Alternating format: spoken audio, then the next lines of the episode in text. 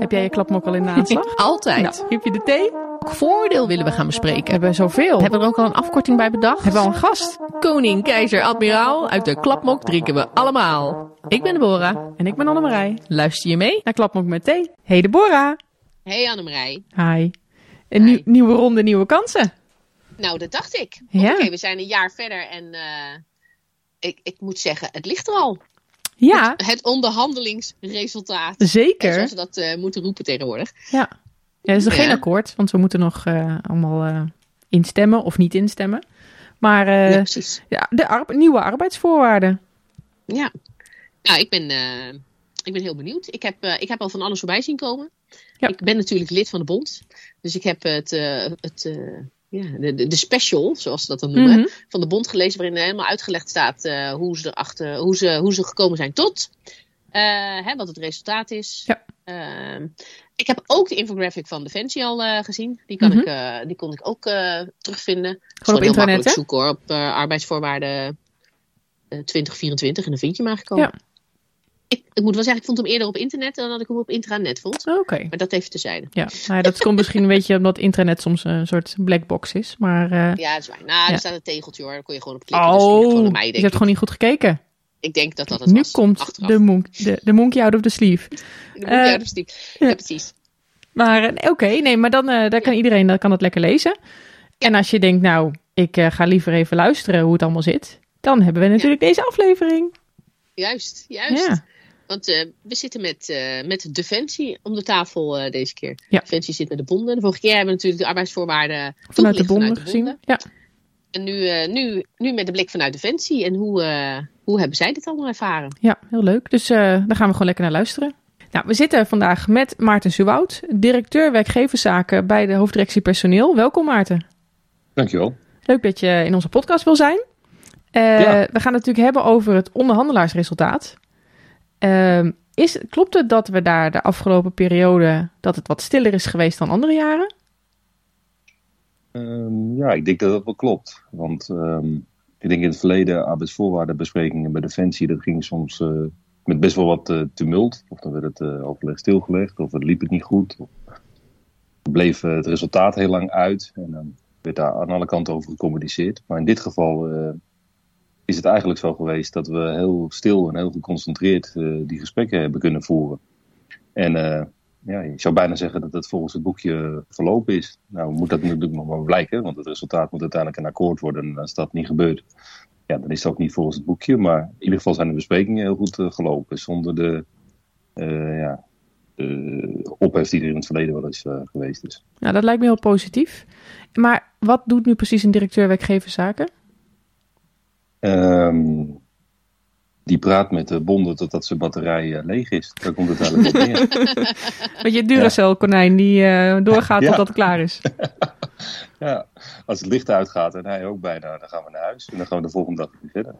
Het is niet iedere dag dat je met de bonden overleg voert. Maar twee of drie dagen in de week toch wel eh, meestal. Want je hebt, je hebt arbeidsvoorwaardengesprekken, die zijn heel intensief. Maar als er geen arbeidsvoorwaardenakkoord loopt, dan heb je ook opgezette tijden vergaderingen over eh, van alles en nog wat. In allerlei verschillende werkgroepen. Ehm, dus er is altijd eh, overleg eigenlijk. Dat is soms nog wel eens een misvatting. Dan denken mensen, ja, dat ligt nu een akkoord en dan dan doe je een jaar niks. Maar zo gaat dat niet. Je pakt dan allerlei andere onderwerpen op waar je ook weer allerlei afspraken over maakt. Zo, zoals wat dan bijvoorbeeld? Welke onderwerpen praten? eh, hebben we dan over reorganisaties of voorstellen? Ja, en belangrijk, kijk, het, het georganiseerd overleg is langs allerlei verschillende werkgroepen, noem je dat dan, ingericht. Bijvoorbeeld reorganisaties is een werkgroep. Dus daar praat je over reorganisatie binnen Defensie. Een heel belangrijk onderwerp natuurlijk op dit moment. Ja. Maar je hebt ook een werkgroep postactieve. En daar eh, praat je bijvoorbeeld over eh, aanspraken voor postactieven of over de pensioenregeling. Je hebt ook een werkgroep eh, financiële respositie. Dan gaat het over toelagen, aanspraken, bedragen die je krijgt, om werkverkeer. Ehm, dus op al die eilanden, noem ik het maar even, ben je continu een soort eh, gezamenlijke soort onderhoud aan het doen. En wij agenderen dan dingen die wij graag willen. En de, de bonden agenderen dan ook dingen die wij graag willen. En daar voer je dan met elkaar het gesprek over. Ja, precies. Ja, nu, nu, eh, nu ben ik sinds eh, de vorige arbeidsvoorwaarden ook lid van de bond. Ja. En dat was een beetje een ding. Bijna live tijdens de podcast lid geworden. Ja, Maar Kijk. ik, eh, ja, ja, ja, dus ik ben natuurlijk al geïnformeerd hè, over het eh, onderhandelingsresultaat wat voor ligt. Dat eh, Mhm. moet ik natuurlijk over nadenken, wat ik daarvan vind. Eh, maar wat mij opviel in het voorwoord van, van de voorzitter, was eigenlijk dat er heel positief eh, gereageerd wordt op, eh, op hoe het gegaan is. Eigenlijk wat u zelf natuurlijk ook al aangaf hè, aan het begin. Mhm. Eh, hè, er wordt echt gesproken over er is vertrouwen in de werkgever, het is op een transparante manier, het is constructief geweest. Ehm, eigenlijk alleen maar lof en alleen maar leuk. En dan denk ik, wat is er gebeurd? Wat is er veranderd? ja, ik Waarom weet het. dit nu eh, allemaal zo goed samengaat. er is een nieuwe Ja. directeur werkgeverszaken. Nou, kijk, Nou, is dat het? nou, ik denk dat dingen altijd maar ten dele samenhangen. Eh, Natuurlijk, de, degene die het doet heeft ook een rol. Maar dat is, eh, dat is lang niet het hele verhaal ook. Hè. Ik denk dat eh, er zijn een paar dingen belangrijk. En dat is dat je vooruit probeert te kijken. Kijk, het, eh, het akkoord dat vorig jaar is gesloten, dat liep over drie jaar. 21, 22 en 23. Eh, wat nog wel eens gebeurt, is dat je dan op een te laat moment eh, de gesprekken hervat over de verlenging daarvan. We zijn nu al eh, nou, op een heel vroeg moment begonnen, in ieder geval met bij, bij elkaar aftasten van wat willen we er graag in hebben, wat vinden we belangrijk. En wat in een arbeidsvoorwaardentraject een heel belangrijk fenomeen is, is dat bonden zijn als het ware gemandateerd door hun leden, die moeten ook instemmen. En Defensie is gemandateerd door de ministerraad. En dat is een formeel proces wat je op tijdig moet doorlopen. Dus op het moment dat je dat tijdig hebt afgerond, sta je ook stevig in je schoenen om het gesprek te kunnen voeren. Ehm, nou, en wat misschien voor mij zelf dan het voordeel is, is dat eh, ik ben niet gisteren bij de HDP begonnen, maar al een paar jaar eerder. Dus op een gegeven moment weet je wat de cruciale momenten in zo'n planningsproces zijn.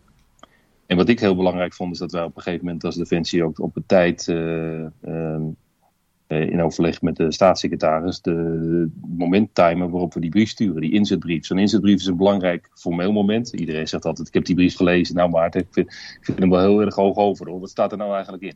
Zo'n brief is eigenlijk meer ook een soort symbolisch moment waarop de staatssecretaris zegt, ik wil graag het gesprek openen. En als ik dan met jullie praat, zou ik het hier over de volgende dingen willen hebben.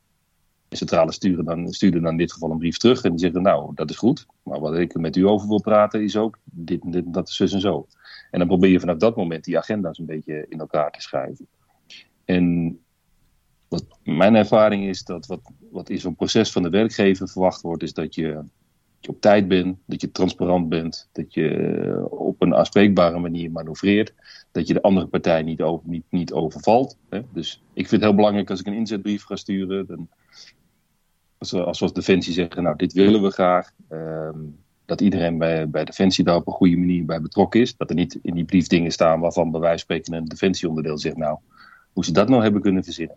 Dat het ook een brief is waarvan de, de, de, eh, waar, waar iedereen zich zoveel mogelijk in herkent. Maar ik vind het ook heel belangrijk dat je tegen de centrales van overheidspersoneel, tegen de bonden zegt, ehm, ik ben van plan dan, dan die brief te sturen. Eh, zodat niet opeens, bom, die brief daar ligt en zij overvallen worden met allerlei mensen die zeggen: Heb je die brief van Defensie gezien? Wat staat erin? Wat staat erin? Wat willen ze? Dat je elkaar de ruimte. Dus je hoeft niet alles met, met, met gezamenlijk te doen. Maar je moet wel proberen zoveel mogelijk dingen met elkaar af te stemmen. Als zij, bij wijze van spreken, de eerste waren geweest die een brief hadden gestuurd, had ik het ook heel fijn gevonden als ze tegen mij zeggen: Maar ik denk dat we volgende week maandag onze brief gaan sturen. Dan kun je alvast je internetbericht eh, proberen eh, klaar te maken. Tuurlijk kan dat niet altijd. Het hoeft ook niet altijd. Maar ik denk dat dat wel het proces kan helpen. Want uiteindelijk ben je natuurlijk wel. Het lijkt soms anders, maar ultimo trek je wel aan dezelfde kant van de touw. En ja, dat is denk ik nu beter gelukt dan dat het soms anders lukt. En kan ik het dus eigenlijk zeggen met het, eh, met het opstellen van die brief, is eigenlijk eh, formeel de start van, het, eh, van de onderhandeling, zeg maar, richting de Ja. arbeidsvoorwaarden. Ja, je inzetbrief is de start van de onderhandelingen. Daar zeg je eigenlijk, ik, heeft altijd een vrij traditioneel stramine. Je zegt van, ik zie dit en dit en dat eh, in de wereld gebeuren en dit en dat bij Defensie in het bijzonder. En daarom zou ik graag met u willen praten over A, B, C en D. En ik stel voor om eh, de eerste, eerste bijeenkomst te hebben dan en dan. En dan is het gebruikelijk dat zo'n brief is getekend door de bewindspersoon, in ons geval de staatssecretaris. En eh, die doet dan ook die eerste vergadering. Die trapt die af en die geeft er ook zijn persoonlijk oogmerk mee wat hij belangrijk vond. Ehm, in, in, in dit geval heeft Christophe van der Maat bijvoorbeeld aangegeven dat hij het ook heel belangrijk vond dat we op tijd weer met een nieuw resultaat zouden komen. Dat we een resultaat zouden hebben voordat het ander is afgelopen. Daar is natuurlijk niemand het mee oneens, maar dan moet je wel met z'n allen hard aan werken om dat voor elkaar te krijgen. Ja, namelijk altijd, ja, zijn namelijk alles wat in de brief staat, of het nou onze brief is of die van de, van de vakbonden, het zijn altijd ingewikkelde onderwerpen. Dus je hebt, ligt altijd op de loer dat de tijd wegtikt en dat je er misschien nog helemaal niet bent met elkaar. Ja. Als, je, als je praat over, de, over bijvoorbeeld de positie van reservisten, om maar zo'n onderwerp te noemen, daar, daar zijn hele uiteenlopende denkbeelden over mogelijk, die niet per definitie allemaal waar of onwaar zijn. Maar je bent zo op maandag begonnen en dan zeg je op donderdagmiddag tegen elkaar: wat, wat hebben we nu eigenlijk? Hm. Ehm, dus, dus tijd en kwaliteit en zorgvuldigheid, dat, dat, dat, dat is best wel vaak uh, ja, staat op gespannen voet met elkaar. En aan de andere kant wil je ook niet dat je na zes weken terugkomt met iets en dat mensen het lezen en zeggen: Is dat nou waar jullie, jullie kunnen komen? Dit, dit, is, dit, heeft de, dit, dit, de diepgang van de surfplank. Dit, uh, dit, dit, wat, wat staat hier nou? Dat wil, dat wil je ook niet. Nee. nee. Maar terug naar die, naar die, naar die punten, hè? Want de, de ABC. Uh hoe mhm. bepalen we nu als de defensie waar we het over gaan hebben? Hoe, hoe, uh, is, is er gewoon een voorstel of is er een bepaalde trend? Of hebben wij, uh, hebben wij ergens een lijst? Zeg van nou, voor het personeel willen we dit nog bereiken of willen we dat mhm. bereiken? Of hoe komen we tot die onderwerpen die we in die inzetbrief bedoel je? Ja. ja. Ja. Wat je in ieder geval vaak hebt, is dat je nog afspraken van eerder hebt. Um, ja. Bijvoorbeeld Waar er niet uitgekomen zijn of zo? Nou, in het vorige akkoord staat dat de sociale partners uh, bijvoorbeeld uh, een onderzoek doen naar de beloningspositie van burgerpersoneel. Dus daar, daar creëer je een bepaalde verwachting van, uh, nou, daar gaat klaarblijkelijk wat uitkomen. We hebben in de eerdere fase ook gezegd dat we willen naar een tweevoudig stelsel van toelaag. Waar inzet, moderne vormen van inzet nadrukkelijker worden meegenomen. Dus dat is ook zo. Dus daar moet je op terugkomen. Tenzij je inmiddels van gedachten veranderd bent. Maar dat zou je dan wel heel goed moeten uitleggen, dat je van gedachten veranderd bent. Ja. Um, en er zijn ook algemene dingen die spelen. Wat nu heel erg speelde toen we dit proces begonnen, was dat die inflatie heel erg hoog was. En vorig najaar, uh, toen had je even die momenten, uh, zo'n beetje om deze tijd, dat het gas bij, bij wijze van spreken per dag duurder werd. En dat heel veel mensen dachten van dit kan ik nooit meer betalen. Ik weet nog dat ik in die, ik wilde voor mijn garage zo'n petroleumkacheltje kopen. Die was gewoon nergens meer te koop. Omdat mensen daar, die zetten ze gewoon in huis. Ja. ja. Dus, dus energieprijzen en ook de prijs aan de pomp. Uh, ik begin dan na te denken dat op het moment dat ik dus aan de gang ga met, uh, met mijn formele mandaat uh, op orde te krijgen. Dat ik denk, daar moet ruimte in zitten om iets te kunnen doen met die energie, met die gasprijzen, met koopkracht. Met, want als dat zo hoog oploopt, dan zullen mensen zeggen ja, ik, vind het een sympathiek verhaal wat je houdt over loopbaanbegeleiding. Maar mijn portemonnee is leeg. Ja. Dat is een kwestie dan van prioriteiten. Dus ja. Eh, wij waren stellig van mening dat dat dan nu die loonontwikkeling, die brandstofprijzen, dus die reiskostenvergoeding, dat dat een belangrijk onderwerp zou moeten zijn. En je moet ook oppassen dat je dan. Er zijn ook anderen dan die terecht dan tegen mij zeggen: Ja, ik hoor van alles over uh, koopkracht en geld uitgeven. Maar er zijn toch ook dingen die wij willen qua innovatie, die wij willen in een nieuw personeelsysteem. We willen toch praten uiteindelijk over uh, een schaalbare krijgsmacht. Of over de rol van de reservist. Of over nieuwe aanstellingsvormen. En het enige waar ik jou al voor is OV-kaarten en kilometervergoedingen. Maar er is toch meer dan dat. Dus het is, het is iedere keer een kwestie van je moet het een doen en het ander niet laten. Ja. Want als ik op de andere kant zou gaan zitten en ik maak een heel verhaal over de, de uh, balans werk-privé, uh, duurzaam inzetbaar, uh, loopbaankeuzes en mogelijkheden. En ik laat dat financiële aspect helemaal liggen en ik zeg ja, benzine is altijd al duur geweest en we houden het bij het huidige bedrag. Dan ontmoet ik onbegrip, denk ik. Ja. ja. Ja, dat denk ik wel. Ja, en die uh, bijvoorbeeld dan als je kijkt naar koopkracht en inflatie en dat soort zaken, is dat dan ook een reden dat dan zo'n uh, akkoord of zo'n resultaat dan steeds maar voor één jaar is? Of is dat, heeft dat een andere reden? Want een jaar vind ik niet nou, zo lang. Voor, jullie hebben, zijn daar heel lang mee bezig. Hè? Je komt uiteindelijk met een resultaat, dat moet worden voorgelegd. Dus er zit heel veel werk in. Maar je bent dan maar voor één jaar weer onder de pannen. Ja, dit vind ik een heel raak punt. Want die, uh, als het doorgaat, dan uh, zou je eigenlijk al vrij vroeg uh, volgend jaar alweer Dan moet je weer. Uh, moeten beginnen. Ja. ja. Um, en ehm, als je kijkt naar de brief die de, die de bonden gestuurd hebben, die was geënt op, op twee jaar. Die hadden aanvankelijk een lange periode voor ogen. En er spelen altijd een paar dingen mee. Als je een langer, als je een langer akkoord sluit, dan zitten daar meer uh, financiële middelen in. Um, en dan is het vaak ook zo dat, er, dat, dat, dat je over de weer hogere eisen stelt dan wat je in zo'n akkoord afspreekt. Met andere woorden, als je, want als ik een akkoord voor twee jaar sluit, dan ben ik in principe twee jaar niet meer aan de beurt. Dus als ik bijvoorbeeld iets heel graag wil, moet ik dan wel zorgen dat het daarin zit. Want ja, anders is het window of opportunity een tijdje dicht. Ja. Um, daarnaast is het zo dat als je een lang akkoord sluit, dat je ook bepaalde aannames moet doen over de loonruimte die je in de toekomst ter beschikking gesteld zal krijgen. Dat is een heel, dat is een heel een proces met een aantal vaste momenten, maar het komt erop neer dat je nooit heel lang van tevoren weet welke ruimte je als departement precies krijgt. Um, dus dan moet je aannames doen. Daar zit ook een risico in besloten. Er zit een risico in besloten dat het hoger of lager wordt. Dus daar zit ook een, een bepaalde onzekerheid in.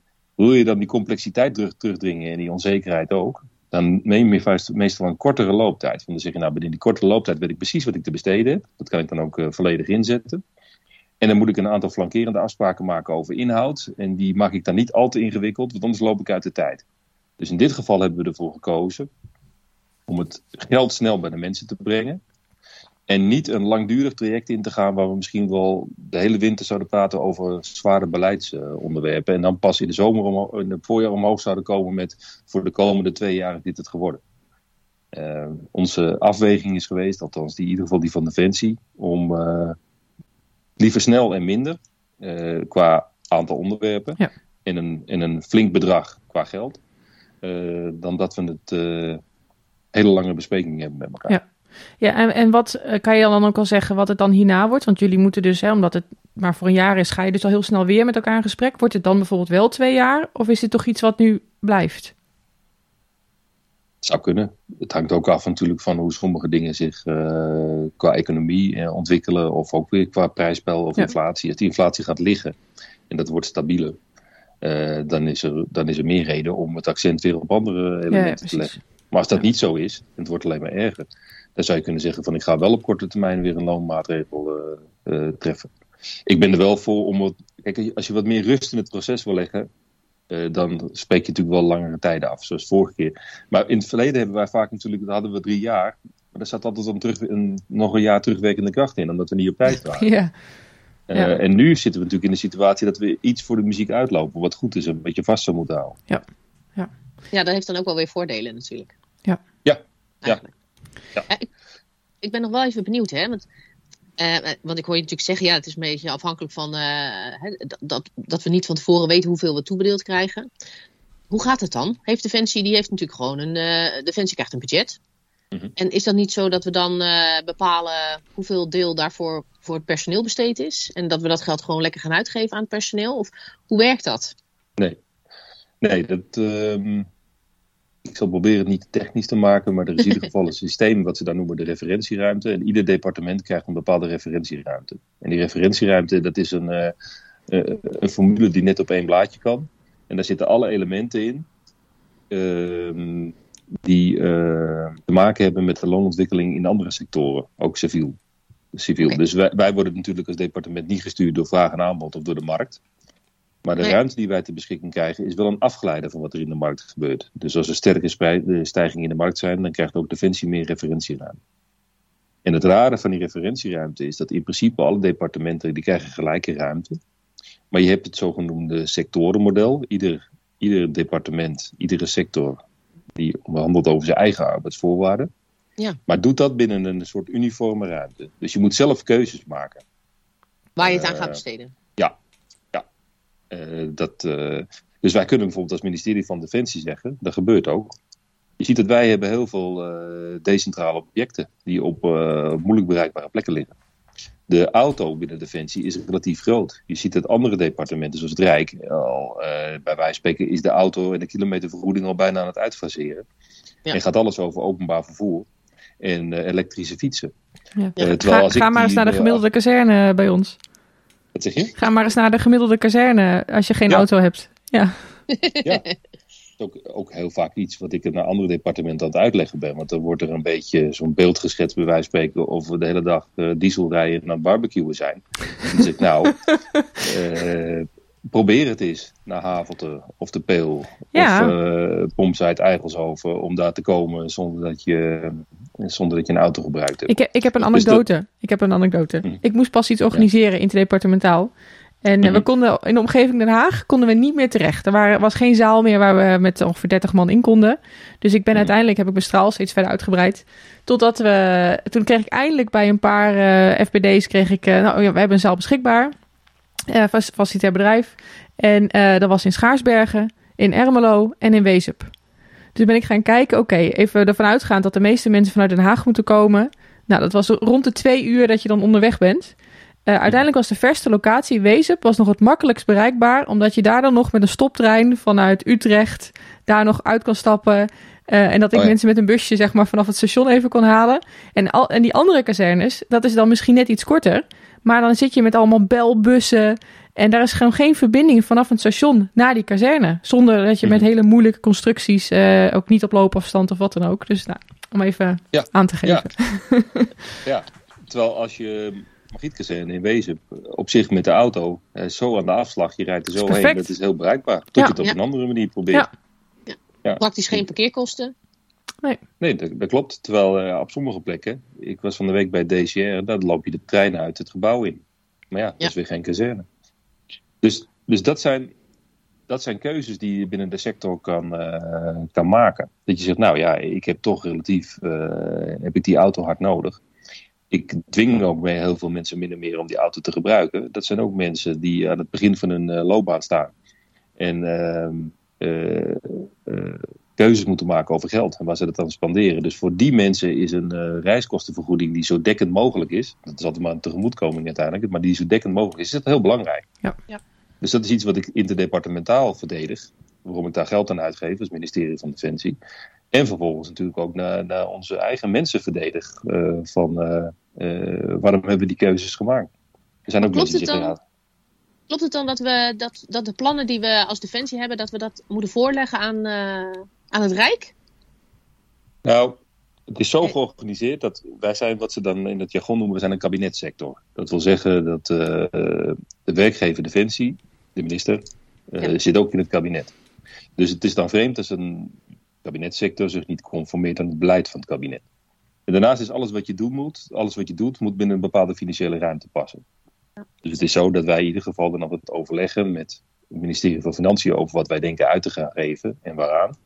En er zijn ook, eh, wij overleggen ook met het ministerie van Binnenlandse Zaken of dat wat wij doen zich op een goede manier verhoudt tot andere sectoren in het kabinet. Met andere woorden, eh, je mag je eigen keuzes maken, je eigen accenten leggen. Maar als bij wijze van spreken de politie volledig op eh, openbaar vervoer open gaat en Defensie wil er helemaal niets van weten en blijft alleen maar met kilometervergoedingen werken, vanuit een rijksperspectief is dat wel moeilijk uit te leggen. Het zou kunnen, maar dan moet je een goed verhaal hebben. Dus we, we zitten niet aan een ketting, wat soms gedacht wordt. Eh, maar in je moet wel degelijk met elkaar eh, afstemmen. Daar zijn natuurlijk soms best wel, eh, best wel forse gesprekken over. Ja. Eh, dat ik als Defensie hele nadrukkelijke beelden heb met hoe iets zou moeten zijn of wat voor ons belangrijk is. En dat anderen zeggen van, eh, eh, ja, eh, ik heb er minder beeld bij. Eh, Kunnen, kunnen we al naartoe naar eh, wat nu precies het, eh, het resultaat is? Dat ligt er eigenlijk voor. Ja. Nou ja, ehm, ik moet zeggen dat ehm, een van de moeilijkste dingen van zo'n heel proces vind ik altijd dat als je aan het onderhandelen bent, dat je dan toch eh, drie, vier, vijf, zes, zeven, acht weken in een soort vacuüm leeft. En je zit heel erg op die tekst, je zit heel erg op wat je maximaal kan doen, wat je maximaal kan betalen, wat de andere kant van de tafel wil, waar je samen toe kan komen. Dus op een gegeven moment, je begint wel een beetje te verkokeren op sommige dingen.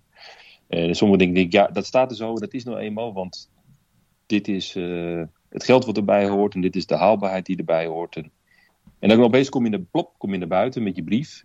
En dan krijg je de, de reacties van mensen die daar helemaal niet in meegegroeid zijn. En die gewoon dat lezen voor wat het is. En die zeggen, nou ik zie wel leuke dingen, maar ik zou ook bij dingen, die begrijp ik echt helemaal niks van. Dat vind ik altijd een beetje het spannende moment waarop ik dan denk, eh, ik denk, ik denk binnen mijn eh, randvoorwaarden goed bezig geweest te zijn, maar wat vindt, wat vindt nu een ander? hè? Dus als je bijvoorbeeld kijkt nu naar wat er ligt, ehm, nou, dan is er een loonontwikkeling van 7%. En 7% met een looptijd van een jaar, dat is echt relatief heel veel. Maar ik ben dan ook altijd een beetje beducht voor mensen die zeggen: Ja, maar mijn uh, zwager werkt daar en daar en die hebben elf. En dan weet ik wel waar hij het over heeft, maar dat is een akkoord van drie jaar. Dus er zit voor drie jaar loonruimte in. Dus dat is relatief minder, in, in totale zin meer. Ja, want we krijgen die 7% in één keer, hè? Niet net als de vorige keer, de constructie eerst een beetje zoveel, dan een beetje zoveel. Nee. Zie je heel vaak, hè? in akkoorden van drie jaar, dan wordt er gesproken over loonontwikkeling tot 11% of zo, noem maar wat. En dan zie je dat er een optelsommetje in zit van dit komt dan, dat komt dan, dat komt dan. Dat wordt eeuwen dat helemaal weggesmeerd in de tijd. Dat is ook logisch. Maar het is niet meer. Ik bedoel, als ik een voorschot vraag op mijn salaris van maart 24, heb ik niet meer. Ja, meer te besteden nu, maar ik heb niet meer. Mm je merkt dat je als onderhandelaar bent, dat, dat je heel gauw in de val trapt van dat je het begint te verdedigen. En het wordt nooit beter van verdedigen. Eh, je moet, kunt wel dingen proberen uit te leggen, maar ook dat heeft limitaties. Ik, eh, als het woord uitleggen valt, dan voel ik me zo'n Haagse ambtenaar die dan op het moment dat hij weerstand ontmoet zegt, dan moeten we het beter uitleggen. dat, kan echt, dat kan echt heel vervelend zijn. Je moet ook op een gegeven moment iemand zijn eigen orde laten doen. Maar die 7%, nou, dan heb je die 1500 euro. En die 1500 euro is ook zoiets waarvan ik dan uh, dan weet ik dat er zijn mensen die komen naar me toe en die zeggen, dat is heel mooi, 1500 euro. En er zijn mensen die zeggen, ja, dat is bruto hè, gaat er helft vanaf. uh, Alles. Ja. ja. Uh, dus dat zijn elementen waarvan je dan spannend vindt van hoe wordt dat uh, ervaren. Kijk, wat ik in dit geval het meest uh, spannende element vind, dat is de, die afspraken die er gemaakt zijn over burgerpersoneel.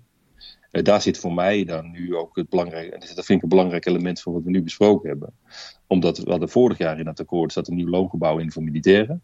Dat heeft erg veel geld gekost en dat was ook nodig. Barbara Visser zei altijd van het huidige loongebouw is 100 jaar oud. Dus daar moet er werk aan uh, verricht worden. Nou, dat hebben we gedaan. Daar is de beloning vooral uh, in de rang, uh, maar tot en met kapitein, die is veel hoger geworden. En dat hadden we ook echt nodig. Wat je wel zag is dat het verschil met burgers ook groter werd. En ik heb veel burgers besproken die zeggen ja, ik gun militairen het beste, daar gaat het niet om. Maar ik zit tegenover een militair aan mijn bureau. En het verschil tussen, tussen, tussen hem of haar en mij, dat is inmiddels wel heel groot geworden. Ja, ja die wilde er ook gewoon in mee. Ik, ik, ik, ik, begin me wel een beetje af te vragen, doe ik ook nog mee hier? Of uh, hou ik alleen de stoel warm? Uh, en dat, dat hebben we wel geprobeerd uh, beter te pakken. Ja, want wat is daar dan precies nu, wat gaat daar dan veranderen?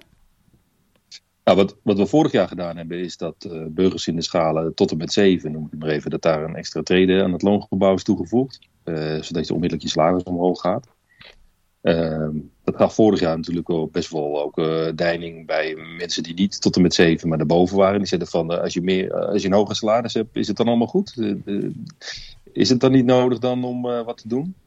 Nou, we hadden die afspraak gemaakt om onderzoek te doen naar die beloning van het burgerpersoneel. Dat hebben we ook gedaan. Ehm en daar kwam uh, uit dat inderdaad er is een uh, behoorlijk verschil uh, met militairen. Dat weet ook iedereen. Hè? En, ehm, maar bijvoorbeeld er is ook een verschil soms op sommige plekken bij sommige rangen met het Rijk. Nou vind ik een verschil met militairen, in mijn beleving, dat zal er altijd zijn. En dat kan ik voor een deel ook heel goed uitleggen. Omdat dan een militair andere dingen gevraagd worden dan aan een burger. Als ik met een kolonel op het bureau zit, dan zit ik veilig tegen de verwarming. Maar hij kan ieder moment opgeroepen worden om wat anders te doen. Uh, dus dat kan ik, kan ik uitleggen. Ik kan een verschil met de burgers van het Rijk wel minder goed uitleggen. Want ja, dat zijn ook mensen die hebben een bureaufunctie of die hebben een operationele functie. Of dat zijn mensen die voor Rijkswaterstaat langs de weg werken. En dat is net zo gevaarlijk als dat wij in een scheepswand moeten kruipen. Dus daar wordt mijn verhaal al moeilijker. Dus ik vind het heel belangrijk als defensie dat de defensieburger, even in mijn woorden, niks minder is dan de Rijksburger. Ja. Als iemand tegen mij zegt, ik heb het gelezen, maar er is nog steeds een heel groot uh, inkomensverschil tussen mij en een militair. Dan ga ik hem voor een deel uitleggen dat dat er altijd zal blijven. Wat ik wel vind, is als het, verhaal, verschil zo groot is dat dat niet uitlegbaar is en dat het onderlinge solidariteit ondergraaft, moet ik het maar even. Want burgers en militairen, we zijn wel één sector. We zijn wel collega's. Uh, en als die verschillen zo groot zijn dat, uh, Mensen zeggen ja, maar eh, ik heb hier toch echt wel een probleem mee. En ik vind dan ook maar, eh, als dan een ander zoveel meer krijgt, dan doet hij het ook maar eens eentje. Uh, dan gaat, het, uh, gaat zoiets tegen je werk. Dus ik, ik vind het heel belangrijk dat zo'n maatregel, dat die, ja, dat die tegemoet komt aan wat mensen verwachten. Ja, en als, ik, ja, als ik hem dan even concreet maak, hè, want ik heb even mm -hmm. zo'n hele mooie visual gezien, waarin het allemaal even mooi... Een infographic. Infographic, mm -hmm. dat is het natuurlijk. Ja. Dus het vervallen van gelijke begintreden in de schalen 1 tot en met 6. Uh, verhoging eh, met 20 euro integratie van de inkomenstoeslag in de salaristabel. En een toevoeging van een extra treden aan de schalen 8 tot en met 16. Ja. Twee trades in schaal 9. Ja, dus die trades, dat is wat je net al zei, is de vorige keer voor de, voor die, de schalen daaronder al gebeurd. En nu is het ook voor die andere gebeurd. En, ehm, en wat is die eerst dat vervallen van gelijke begintreden in schalen 1 tot en met 6? Wat houdt dat in? Ja, kijk, wat je nu opzomt, hè, dat is Ja. denk ik ook een mooi voorbeeld van waar eh, dingen soms verkeerd gaan. En daar staat niks verkeerd, sterker nog, ik, ben, ik, eh, ik sta er heel erg achter wat daar staat. Maar het is ongelooflijk technisch. Dit is technotalk. Als je dit leest als, eh als medewerker, denk je, wat gebeurt hier? Ja, gaat dit nou goed voor mij of juist niet?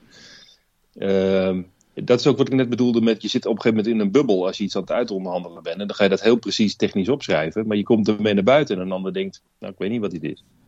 Ehm, en daar zit ook wel een les in voor ons. En dan bedoel ik gewoon ons in de breedte, gewoon aan die, aan die, aan die tafel. Ehm, kijk, wat er bedoeld is, eh, is te zeggen, is dat vorige keer is er gezegd, eh, het zou binnen de sector defensie moeten zijn dat je nooit minder dan 2380 euro verdient.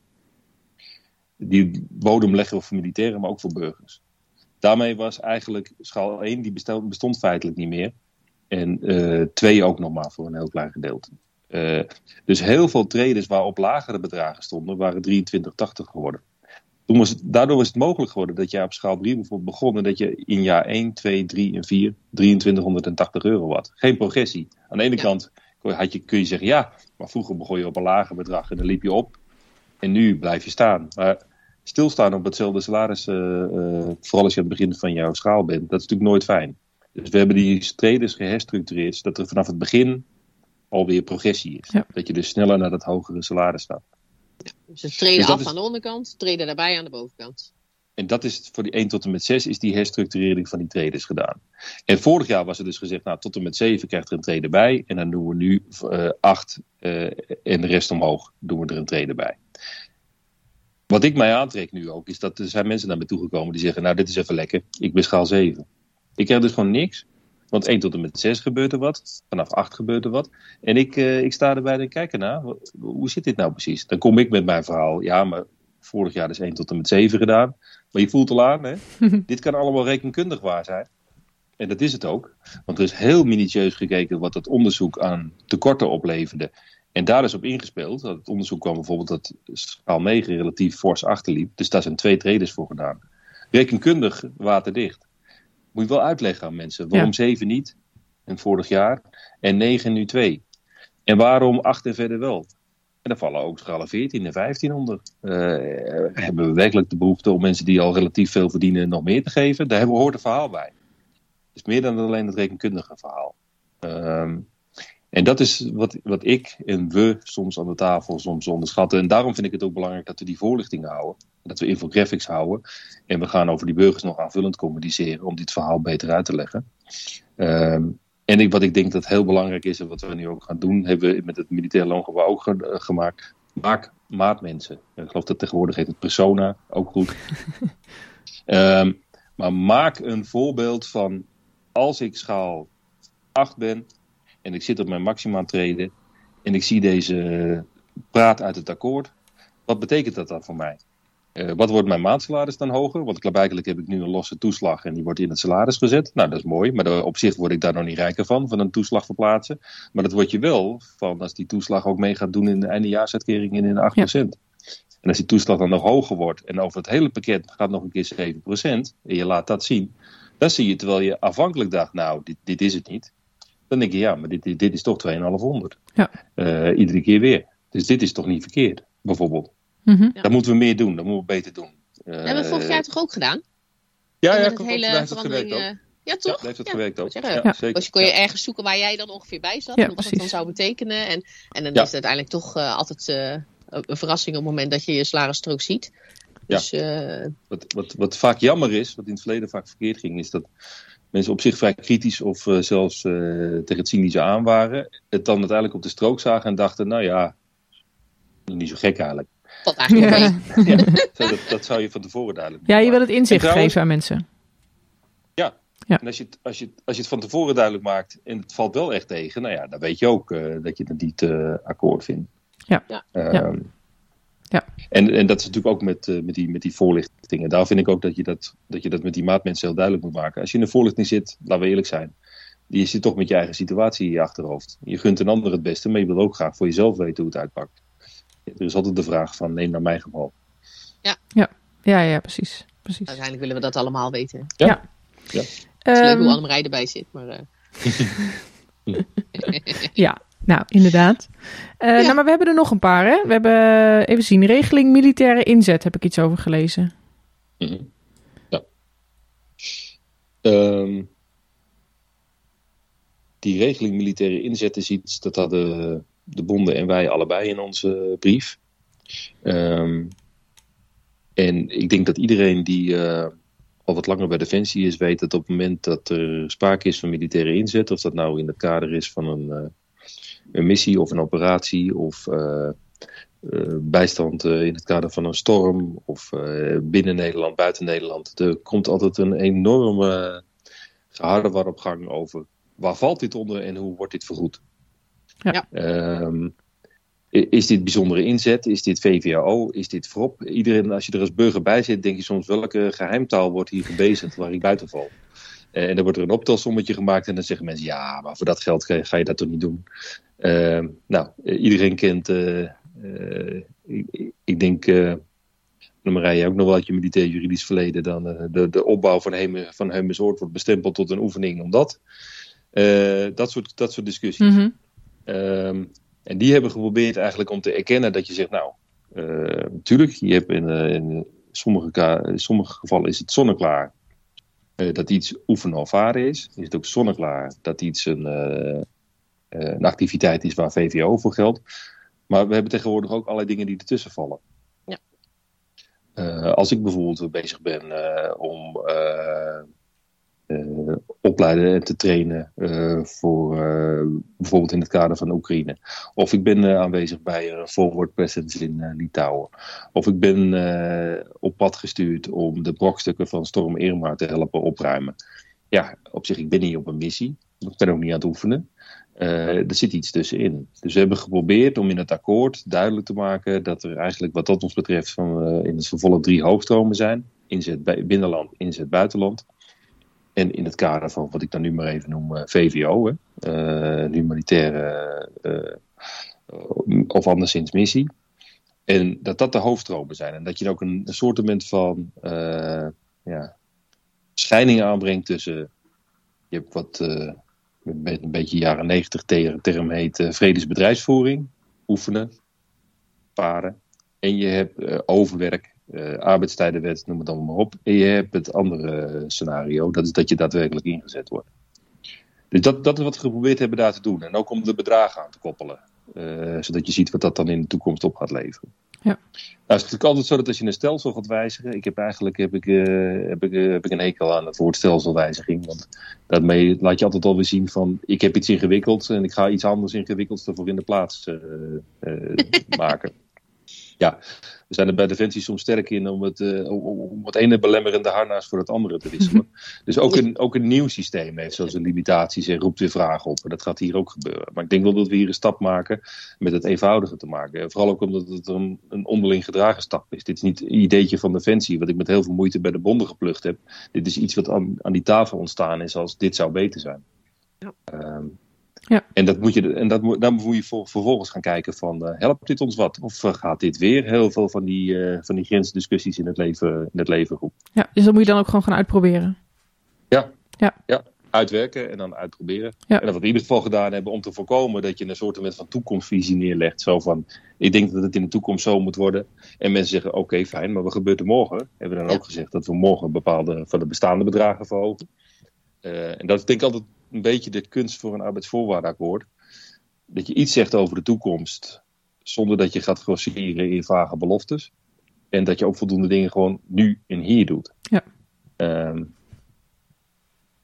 en dat is hier ook mee. Maar ik, ik moet er wel de kanttekening bij maken. eh, En het is goed mogelijk hoor, dat andere mensen daar anders over denken. Maar ik vind een arbeidsvoorwaardenakkoord niet altijd per definitie nou het meest passende vehikel voor een innovatie. Want een innovatie, daar moet je heel goed over nadenken. Daar heb je tijd voor nodig. Dat eh, vergt discussie, dat vergt eh, introspectie, eh, inbreng van anderen. Dat vergt soms dat je het even een week laat liggen. En dat je dat weer oppakt met, met elkaar. Dat vergt soms ook dat je een briefing krijgt van iemand van, van, van buiten Defensie. En die zegt, moet je eens kijken hoe dat hier en hier gedaan wordt. Terwijl in een arbeidsvoorwaardenakkoord is altijd pressie. Er is altijd, we, we, we hebben tijd tekort en we haasten ons naar de uitgang. Dus ik vind ook dat we de ruimte moeten creëren voor onszelf. En dat we daar met de bonden naar moeten kijken. Dat we soms zeggen, wij komen met iets nieuws gewoon helemaal buiten het kader van een akkoord. Dit is hoe we het graag willen. Maar zou je in een uh, arbeidsvoorwaardenakkoord dan bijvoorbeeld wel de kaders voor kunnen stellen? Dat je zegt, uh, en dus nu zeggen van nou, we maken nu een driedeling. Uh, en, daar, en dat is uitgangspunt om dit verder uit te gaan werken.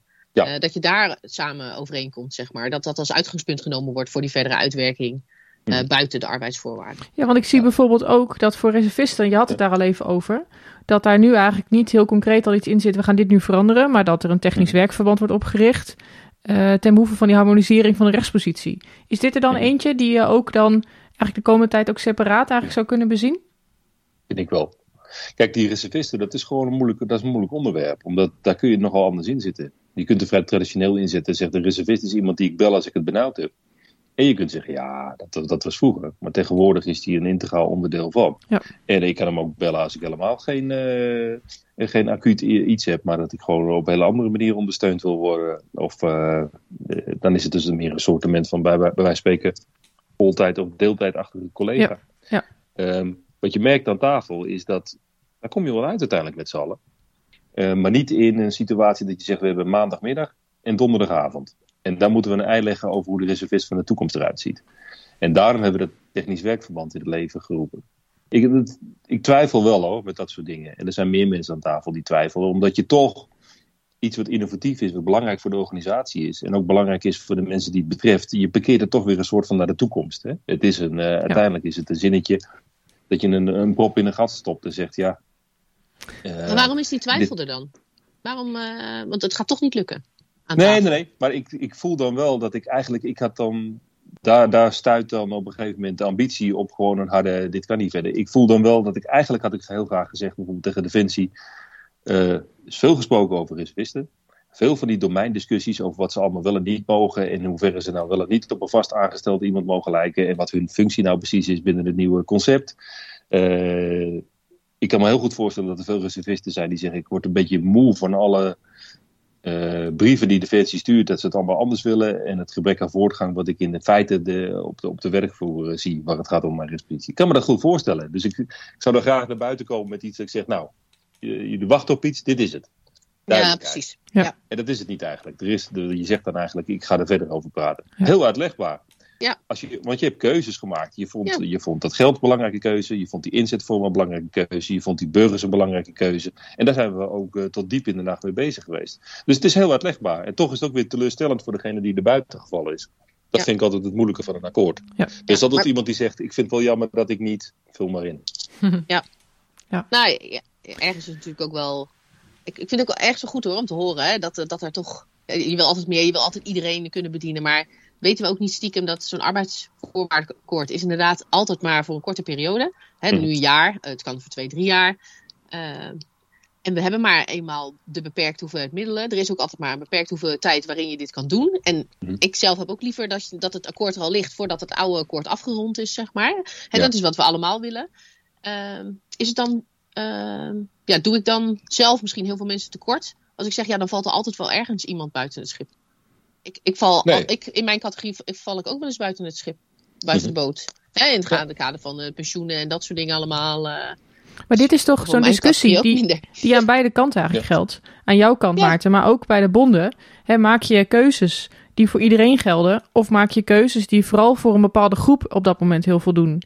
Uh, en omdat daar, die dat nodig hebben. Omdat die op dat moment dat heel hard nodig hebben. En dat je weet, dan pak ik een andere groep die ik ook heel belangrijk vind. Uh, maar die, de, daar moeten we bijvoorbeeld naar de onderzoek naar doen. Zoals hier bijvoorbeeld met reservisten. Maar die pakken we dan op een ander moment. Uh, mm-hmm. Omdat we dat nu niet redden.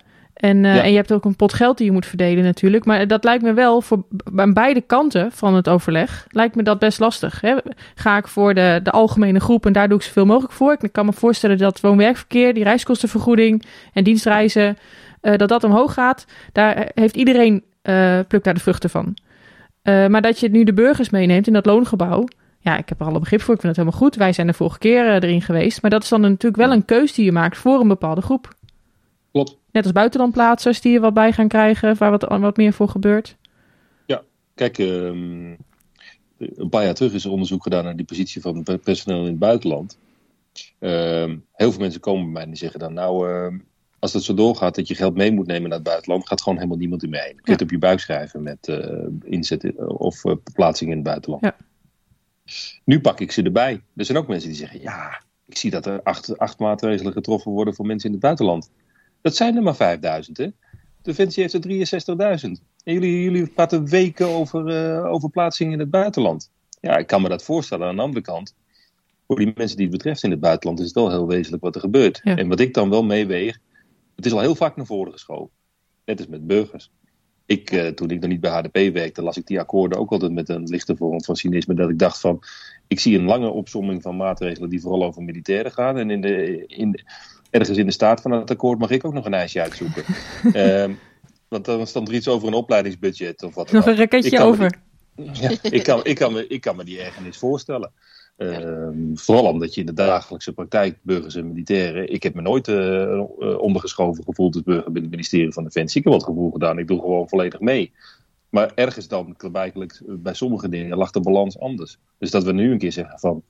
eh, investeren daar wel in, in ieder geval op het niveau van het Rijk. Dat vind ik wel belangrijk. Ja. En dat hou ik me dan maar aan vast voor zo'n akkoord. Ik denk, ja, ik had met die reservist meer op willen schrijven. Maar ik heb wel wat opgeschreven met die burger. Ik doe wel wat nu. Buitenland, jarenlang heb ik het van me afgeschoven. Dan zei ik van, we gaan, eh, we gaan er nog op studeren of we naar het stelsel van buitenlandse zaken gaan. Nu hebben we een duidelijke beleidsbeslissing genomen. We houden ons eigen stelsel, we verbeteren ons eigen stelsel. En daarbinnen maken we het zo goed mogelijk. Een passend stelsel voor defensie. Net als bij die burgers. Eh, ja, dus dat, dat, dat moet je dan toch naar voren spelen. Anders maak je jezelf ziek. Ja. Ik heb nog één, eh, één inhoudelijke over het resultaat. En dan eh, is dat voor mij, of de Bora heeft misschien daar nog dingen over, maar van, dan vind ik die eh, redelijk helder. je punt nu. Ja, ja, ja. Het, het duurzaamheidsbudget. Ja. Mhm. Vertel.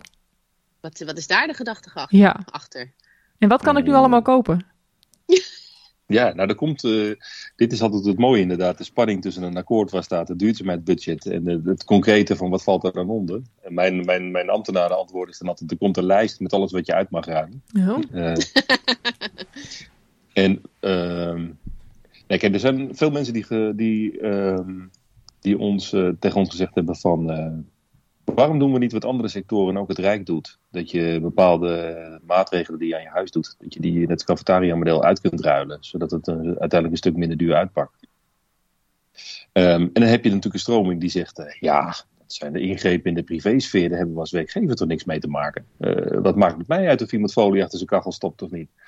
Eh, en je hebt mensen die zeggen, nou, als overheidswerkgever gaat onze verantwoordelijkheid verder. En als we in ons cafetaria-model kunnen bevorderen dat iemand eh, goedkoper dat soort eh, spullen uit aan kan schaffen, dat het niet uitrouwt, eh, waarom zouden we het dan niet doen? En ik vind best wel, dat net over dingen die ik dan positief vind in het akkoord en wat ik graag meer had gewild. Als ik het met duurzaamheidsogen bekijk, denk ik wel een beetje, ik had graag meer gewild. En dan vind ik het wel belangrijk dat ik niet alleen rap over een kaart dat ik ooit met een e-scooter kan. Maar dat ik ook concreet iets doe op dit moment. Dat is wat ik net zei. Hè? Ieder akkoord is een spanning tussen.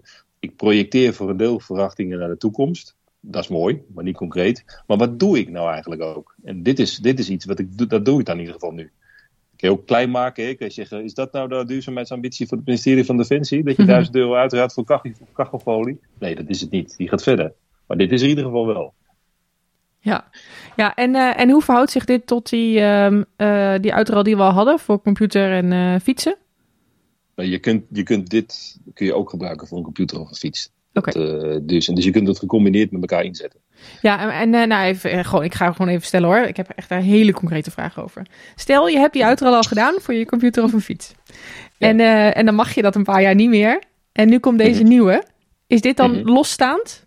Kan je het ook helemaal los van elkaar? Dat je gewoon nu een nieuwe hebt die je gewoon zegt, dat je zegt, ik ga dat nu dan ook doen? Ik doe maar een kijk- nieuwe fiets aan de brei. Nou, ik heb dus al uitgeruild. en eh, ja, misschien wil ik wel een nieuwe laptop of een nieuwe fiets. Ja, precies. Kijk, de onderhandelingen zijn geheim. Maar als je je soms afvraagt waarom dingen al lang duren, dan zijn er dit soort vragen. Dan kan ik je dan wel. Want dat komt natuurlijk aan de orde. Van wat kun je nou gecombineerd met elkaar inzetten en wat kun je los van elkaar Ja. eh, inzetten. Ja. Ehm, Eh, en, en hoeveel heb je er dan op? En dan is het ook wel iets wat natuurlijk enorm weer geremd wordt door wat er fiscaal of technisch of budgetair eh, mogelijk is. Maar in het voorbeeld wat, jij, wat jij gaf, daar kun je dat geld inzetten. Ja, dat klopt. Nou, mooi. Dankjewel. Oh, heerlijk. Dus Ja, eigenlijk als ik dus net, net die oude regeling nog heb gebruikt en ik heb een laptop gekocht, dan mag ik dat eigenlijk, en het bevalt me niet zo, of ik wil toch een andere, dan mag dat. Of ik mag er nu een fiets voor kopen. Of in ieder geval een tegemoetkoming in mijn fiets. Mhm. Oké, nou, Super. leuk. Nou, dat is in ieder geval heel goed. leuk nieuws. Ehm, op de inhoud, Deborah, had jij daar nog eh, dingen over het resultaat? Of, ehm, Nee, ik zag dat we 2,15 euro erbij krijgen voor het thuiswerkcompensatie. Dat vond ik dan wel erg grappig om te lezen. Dat ik denk, oh, ja, per dag, hè? Per zo- dag. wat zeg je? Per dag. Ja, per dag. Ja, ja, ja precies. Maar hoe, hoe bedenk je dat dat 2,15 euro is? Nou ja, het was voor mij twee, het was 1,90 dacht ik, of 1,95. Ja, Oh. ook, zo- ook zo'n euro. bedrag. 2 euro. Maar ehm, kijk, dit, dit is ook, dit is ook zo'n traditioneel arbeidsvoorwaardelijk eh, onderwerp. Hè? Want eh, volg je daar bijvoorbeeld het NIBUD, want die hebben daar gedachten bij. Die hebben daar een hele berekensom gemaakt. Hè? Eh, dat kan je doen. Je kan ook, Ja. Er is een bepaald bedrag wat je als werkgever netto kan vergoeden. Eh, alles wat je daarboven vergoedt, daar moet je dan belasting over afdragen. Oh, dat is dan ook vaak eindheffing, 80%. Dus wat wij altijd proberen te doen in het maken van arbeidsvoorwaardelijke afspraken, doe niet iets waar je extra heffing over verschuldigd bent, want dan loopt het geld van de medewerker weg in fiscaliteit. Ja. Dus soms zeggen mensen van, eh, wat een gierigheid, waarom is het geen 5 euro? Wie kan nou voor 2,15 euro de kachel laten branden? Ja, ik ook niet. Maar als ik 5 euro betaal, en eh, voor een heel groot bedrag, betaal ik dan 80% extra heffing. Ja, dat is helemaal een domme aanwending van arbeidsvoorwaardengeld. Ja, dat is Dus dit-. Dus dit, ook dit is een compromis van je welste. De een zegt, nou ja, goed, ik krijg 2,15. Eh ik red het er niet mee, maar ik ben er blij mee. En de ander zegt, ja, dat zou gewoon een dekkend bedrag eh, moeten zijn. Ik probeer me hier vast te houden aan wat er fiscaal maximum net, net over goed kan worden. Ja. Omdat ik het Ja. anders gewoon geen goede aanwending vind. Ja, precies. Ja, precies. Nou, het is wel Ja. even belangrijk om te weten dat dat er natuurlijk achter zit. Ja, ja, ja. want eh, soms zeggen mensen, daar gaan wij toch zelf over? Zeker, daar gaan wij zelf over. Maar waar we niet zelf over gaan, net zo min als ieder andere Nederlander, dat is hoe dat fiscaal, fiscaal uitpakt. En dan Ja. is het gewoon wel jammer om daar 80% van weg te brengen. Ja, dat Ja, ja, veel. precies. Er zit nog een heel verhaal achter natuurlijk. Dat is helemaal waar. Ja. Hey, ik ben nog wel benieuwd. ehm, eigenlijk hoe jij nu... eh, kijk, ik, ik heb het idee dat jij best wel eh, positief bent over wat er nu ligt en hoe jullie dat hebben bereikt. Eh, ook dat het netjes binnen de termijn, hè, dat die andere nog niet is, de oude nog niet is verlopen, dat je eigenlijk op tijd nu een nieuw resultaat hebt. Ehm, dus ik ben vooral benieuwd, nou, wat moet iedereen, wat vind jij, hè, moeten we hier nu allemaal achter staan? Ik denk het wel, maar goed, ik vraag het toch even aan je. En even meer algemeen, doen wij nou als Defensie voldoende om een aantrekkelijke werkgever te zijn? Nou, wat het akkoord betreft is een beetje het correct antwoord dat ik daar ga geven. Maar ik meen het wel echt. Dat is dat eh, ik wil geen stofzuigerverkoper zijn die zegt dit moet je doen. Eh, je moet het echt gewoon goed zelf lezen. En je moet denken van wat vind ik nou belangrijk en vind ik daar voldoende van terug. Eh, maar wat ik ook wel denk dat belangrijk is, en zeg ik heel even eigenwijs, soms ontbreekt het in onze sector dan nog wel een beetje aan dat je ook kijkt van wat gebeurt er op andere vlakken. Wat gebeurt er in Nederland, gebeurt er verder op de arbeidsmarkt. En daar kun je natuurlijk altijd voorbeelden vinden dat je denkt, kijk, die hebben dit. Eh, maar ik, wat, ik wil, wat ik wel van overtuigd ben, is dat, eh, dat wij eh, daar ook naar gekeken hebben. En dat Defensie dan toch iets neergelegd heeft waarvan je kunt zeggen, nou, als ik hier in een jaar 7% bij krijg en 1500 en mijn reiskostenvergoeding gaat omhoog. Op het moment dat ik ingezet word, gaat de invergoeding daarvan eh, flink omhoog. Als ik burgermedewerker ben, krijg ik een treden bij. Eh, krijg ik daar nog die, weer die 7% over? Ehm, eh, krijg ik die eh, inkomenstoeslag ingebouwd? Heb ik een veel hoger vakantiegeld? Heb ik een veel hogere eindejaarsuitkering? Als je dan even toch gewoon zegt, ik bekijk het even financieel, ik pak er een A4'tje bij en ik zet het onder elkaar. Dan denk ik wel dat je zou kunnen zeggen, nou, dat is gewoon dat is niet verkeerd. Ja. En nog even los van beleidsmatige dingen. Eh, zo moet je, denk ik, eh, het is geen kwestie van je door de een of door de ander te laten overtuigen. En dan, wat ik als onderhandelaar alleen mensen mee kan geven, is laat je niet op het verkeerde been zetten door hogere percentages met hele lange looptijden. Want dat is gewoon, daar heb- hou je jezelf mee voor de gek. Wij gaan in april, mei alweer praten. En dan komt er alweer een nieuwe afspraak het jaar Mhm. erop. Ik bedoel, als iemand een andere sector nu een, een afspraak voor drie jaar maakt, die staat drie jaar stil. Hè? Drie jaar gebeurt er niks. Ja, dan is het dat Ja. percentage en ook dan is het dat. Ja, Ja. ja dan eh, is dat verder. Dus eigenlijk is is. het gewoon een goed verhaal. Onderaan de streep. Ik vind het een goed verhaal, ja. Ja, toch? Eh, dat, zeker. Eh, maar nogmaals, ik vind het ook heel belangrijk dat je zelf die conclusie trekt. Eh, Ja. eh, een goed verhaal dring je niet, dring je niet op. Eh, dat verkoop je niet. Dat leg je ook niet uit. Er is een moment waarop iemand zelf de conclusie trekt van... eh, alles bij elkaar opgeteld en afgetrokken vind ik dit niet verkeerd. Dat zou het moeten zijn, denk ik. Ja, mooi. Nu ben ik natuurlijk even benieuwd. Hè. Nu, nu, eh, nu is het aan, aan ons, hè, aan de bonden, om, eh, om de achterban eh, te laten stemmen. Zijn we akkoord of niet? Eh, nou, er komt dadelijk een akkoord. Wanneer valt eigenlijk dat besluit? Wanneer is het definitief? Dat valt om eh, 12 december, om 12 uur. 12, 12, 12. Zo. Dan zitten we met, eh, Symbolisch, zeg. Mooi. Dan zitten we weer Ja. om tafel met de, met de bonden. En dan gaan de bonden ons de achterban-raadpleging terugkoppelen. Ja. Dus tot die tijd is het nog even spannend. Oh, heel leuk. Nou, heel benieuwd. Spannende periode. Maar de vraag is eventjes, eh, wat wil Defensie oppakken richting eh 2025? Kunnen we Ja. daar al iets, eh, wat, wat, wat ligt er nu nog op tafel? Je zegt, van, nou, dat is echt iets, daar gaan we mee verder straks. Ja, kijk, een verstandige planner inderdaad, die is er al mee bezig. Kijk, wat sowieso op tafel ligt, is dat eh, er zijn een paar dingen nog uit oude akkoorden die we nog op moeten pakken. Ehm, eh, wat in ieder geval eh, verder, wat, wat, ik, wat we verder gaan uitwerken, zijn die drie, die drie vormen van inzet die ik net noemde. Want dat moet nog tot een concrete regeling komen. Nou, voordat een idee een regeling is, dat is best ingewikkeld. Dus die inzetvormen gaan we mee verder. Ehm, we gaan verder met die eh reservistendossier, waar ik het over had. Uh, dat is een belangrijke. We gaan praten over die uh, bijzondere positie. Dat staat ook in het akkoord. Hè? En die bijzondere positie is natuurlijk voor een deel ook uh, de rechtvaardiging waarom er uh, verschil is tussen burgers en militairen. Dus ik vind het heel belangrijk dat die bijzondere positie.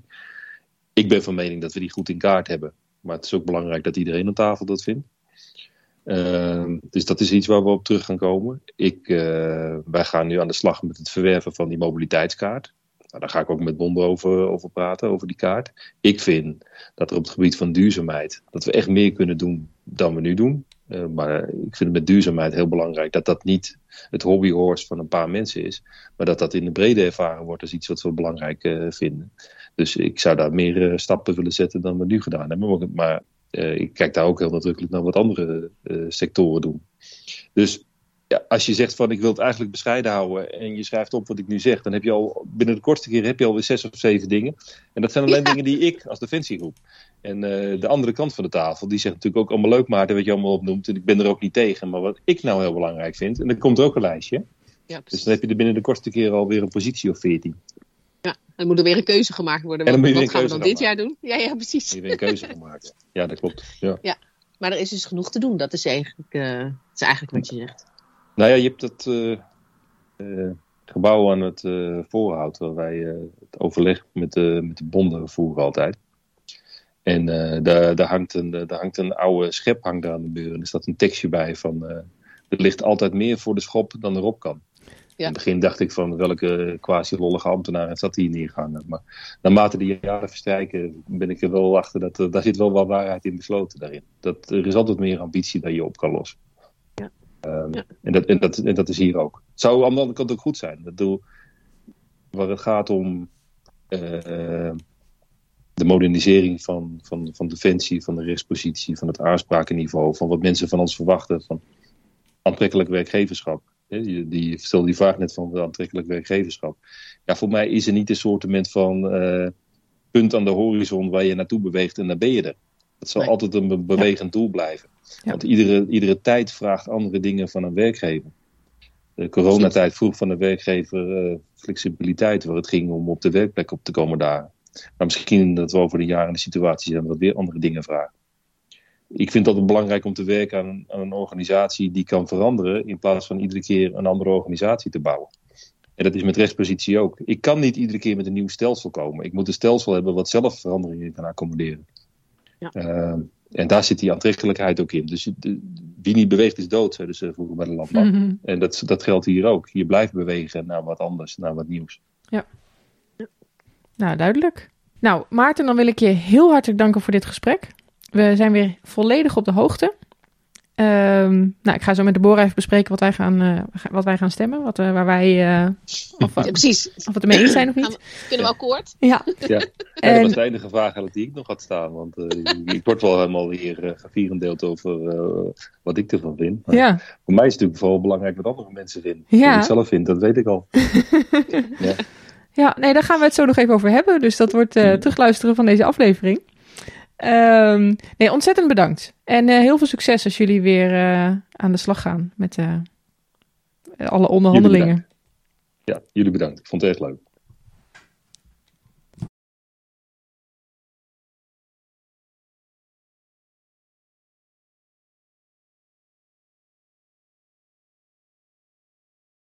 Ja, dat was Maarten. Nou, inderdaad. Wat leuk. Ja, hè? Leuk om een keer een verhaal vanuit Defensie te horen. Zeker. En ehm, ja, dan moeten we even nadenken over wat we gaan. eh, wat, wat wij er nou eigenlijk van vinden. Nou, ik ben eigenlijk, eh, al maar gelijk met de deur in huis te vallen. Ik ben eigenlijk wel positief. Ik ook, eigenlijk. Ik dacht, eh, ja, ja. ik, ik, ik zat het te lezen en ik denk, nou ja, weet je, het is allemaal leuk, maar ik krijg vo- volgend jaar krijg ik een 7% eh loonsverhoging. En misschien ben ik wat naïef. Maar ik was nog aan het genieten van het feit dat we dit jaar al die loonsverhoging hadden. Ja. Dat ik dacht van, nou, dat is al mooi. En volgend jaar weer 7%. En dat doet me goed. Die 1500 euro eh, die we eenmalig krijgen, is ook heel erg leuk. Ook hartstikke lekker. Ja. Ja, precies. Precies, nou die 1000 euro verduurzaming, eh, daar moest ik even over nadenken. Wat ik daar nou Ja, wat het inhoudt. kon, maar... Ja. Maar daar hebben we nu ook even nou over gehad. Dat is. toch eigenlijk best wel breed ook? Nou ja, precies. Dus. Dat, eh, dat maakt het voor mij wel makkelijk. Ja. Ehm, ik vind het wel. eh, ik, ik, eh, ik, ik denk dat ik wel gewoon eh, positief ben over Ja. dit resultaat wat er ligt. Ik vond Maarten hier en daar wat voorzichtig in zijn Ja, dat formulering. wel. Maar, Maar dat is de uitleg erbij. ja, maar ik ben ook eigenlijk hartstikke positief. Dus ik ga ook sowieso voorstemmen. Ja, hè? Ja, ik vind het heel Nou, goed. En ik Ja, vind ook terecht. Hè, geen, geen luisteraarsadvies geven. Oh ja, nee, iedereen moet voor zichzelf beslissen. Maar wij, wij geven gewoon aan hoe wij daarin zitten. Juist. Maar, eh, nee, maar wat ik net eigenlijk in het gesprek ook al wel aangaf, hè, dat hele loongebouw, eh, daar waren wij vorig jaar aan de beurt. Ja. Dat ze nu de, onze eh burgercollega's daarin meenemen. Ja, terecht. Hè? En, Ja, dat eh, is ook logisch toch eigenlijk. ja, eh, dat vind ik helemaal goed. Dus ehm, ja, nee, het is eigenlijk, eh, ja. En dat er inderdaad, dat je soms keuzes maakt en dat je een bepaalde groep meeneemt om dingen recht te trekken. Ik denk dat dat, dat hoort ook gewoon zo. Eh, Dat moet, zou voor wat mij betreft geen reden zijn te zeggen, nou, maar daar ben ik het niet mee eens, want ik wil dat ieder punt ook op mij eh, van invloed is. Ja, dat zou ik, oh, nou ja, dat is niet een, dat, dat punt zou ik niet willen maken. Hè? Dus, eh, het is Nee, breder het dan dat. echt haalbaar. Hè? Als je natuurlijk kijkt naar een bedrijf van, wat zijn het nou, Eh, 63.000 Ja. werknemers. Ja. Ja, dan kun je, er is altijd wel iemand die nu even niet eh, het maximale eruit krijgt. Ja. Of wat dan ook. Of die je dat wel nu Maar- toevallig krijgt. En dat is dan hartstikke goed. Ja, omdat je gewoon dingen soms even eh, moet zorgen dat het, dat het goed in elkaar zit. Nou, dat denk ik ook. Ja. Dat denk ik ook. Ehm, nee, dus eigenlijk, eh, nou, ik ben hartstikke positief. En ik vind het leuk om even zo te kunnen bespreken hoe, hoe loopt dat nou? Hè? Hoe, wat, hoe zit Ja. het achter de schermen? eh, voor wat er over verteld kan worden natuurlijk. Maar, maar hoe loopt het Ja. proces eigenlijk vooral? Eh, nou en- ja, en, en er zit natuurlijk veel meer achter. Hè? Want we hebben het natuurlijk ook even gehad over die 2,15 euro. Ja. Ja, dat slaat natuurlijk eigenlijk nergens op. Maar goed, het is... Nee, toch? Maar het is natuurlijk leuk, eh, een leuke tegemoetkoming. Je krijgt het. Ja. Eh, en wat ik wel heel erg interessant vond, is dat je kan het wel hoger gooien. Of je kan het wel naar, eh, hè, naar dat wat je Ja, ja. verbruikt, dat je dat vergoedt. Maar dat kost Defensie zoveel geld. Ja, dan zit die 7% omdat het belastingtechnisch dan een heel in. ding wordt. Precies. Ja. Ja. Ja. En dat is natuurlijk ook zonde. Hè? Dus nou goed, als, als dit het is, vind ik het idee vind ik wel, eh, Ja. Vind ik Hey, helemaal positief. prima. Ja, en het is altijd Ja. meer dan helemaal niks. En het is een per dag. Het is natuurlijk niet per maand, hè? 2,15 euro. Dus het is een, een per Nee, dag het is ding. per dag. Dus Dus meer, Ja. meer thuiswerken levert meer op. Precies. Dus eh, nou ja, da- da- da- daarom. Maar, ehm, nee, maar Geldt hartstikke niet voor goed. iedereen. Geldt niet voor iedereen. Hè? Ja. Niet iedereen is in die. eh, Nee. Maar goed, die krijgt een kilometervergoeding weer tegenover. Dus dat is wel weer. Ja. Ergens zit er een balans in, hè? Zeker. Ja, ja die zie ik ook wel. Dus eh, nee, ik denk eh, een mooie nieuwe ronde. En eh goede nieuwe kans. En ehm, Genoeg ambities voor volgend jaar. ook nog. Ja, en het plan voor de reservisten denk ik ook heel mooi. Dat daar, eh, kijk, dat, dat moet natuurlijk ook gewoon gebeuren. En dat, dat, Ja. dat het dan niet lukt in die grote onderhandelingen, dat snap ik ook. En dat ze dan zeggen, we gaan daar in een apart verband dan mee verder. Want daar moet gewoon heel veel gebeuren. Eh, daar gaan we gewoon op inzoomen. En, en dat komt er gewoon, dat komt er sowieso. Dat is denk ik gewoon terecht. Ja. En, eh, en het klinkt ook gewoon goed hoe ze daar nu over na hebben gedacht. En hoe ze dat eh, nu gaan oppakken. Ja. ja. Ja. Dus dat Nou, gaan we dan wel wel. weer zien wat daaruit komt. Juist. Ja. Juist. Nou, op naar volgend jaar dan maar. Ja, inderdaad. Maar ja, goed, als je naar ons luistert, is niet op naar volgend jaar. Dan zijn we nog gewoon, eh, hebben we nog afleveringen voor het einde van het jaar. Zeker weten. Ja, ja. Genoeg te luisteren. Genoeg te luisteren. Meer dan genoeg. Juist. En heb je nog ideeën? Mail ons gerust. Klapmok met t@mindef.nl. Eh, voor alle suggesties, opmerkingen of wat Zeker. dan ook. Het kan natuurlijk ook via Dan onze Insta. Klap op met thee. Dus volg Ja. ons daar vooral. En je kan ons daar ook berichtjes sturen als je inderdaad iets wil delen en dat niet via de mail wil doen. Ehm, ja, en eh, dan eh, horen jullie ons weer de volgende keer. Juist. Tot de volgende keer.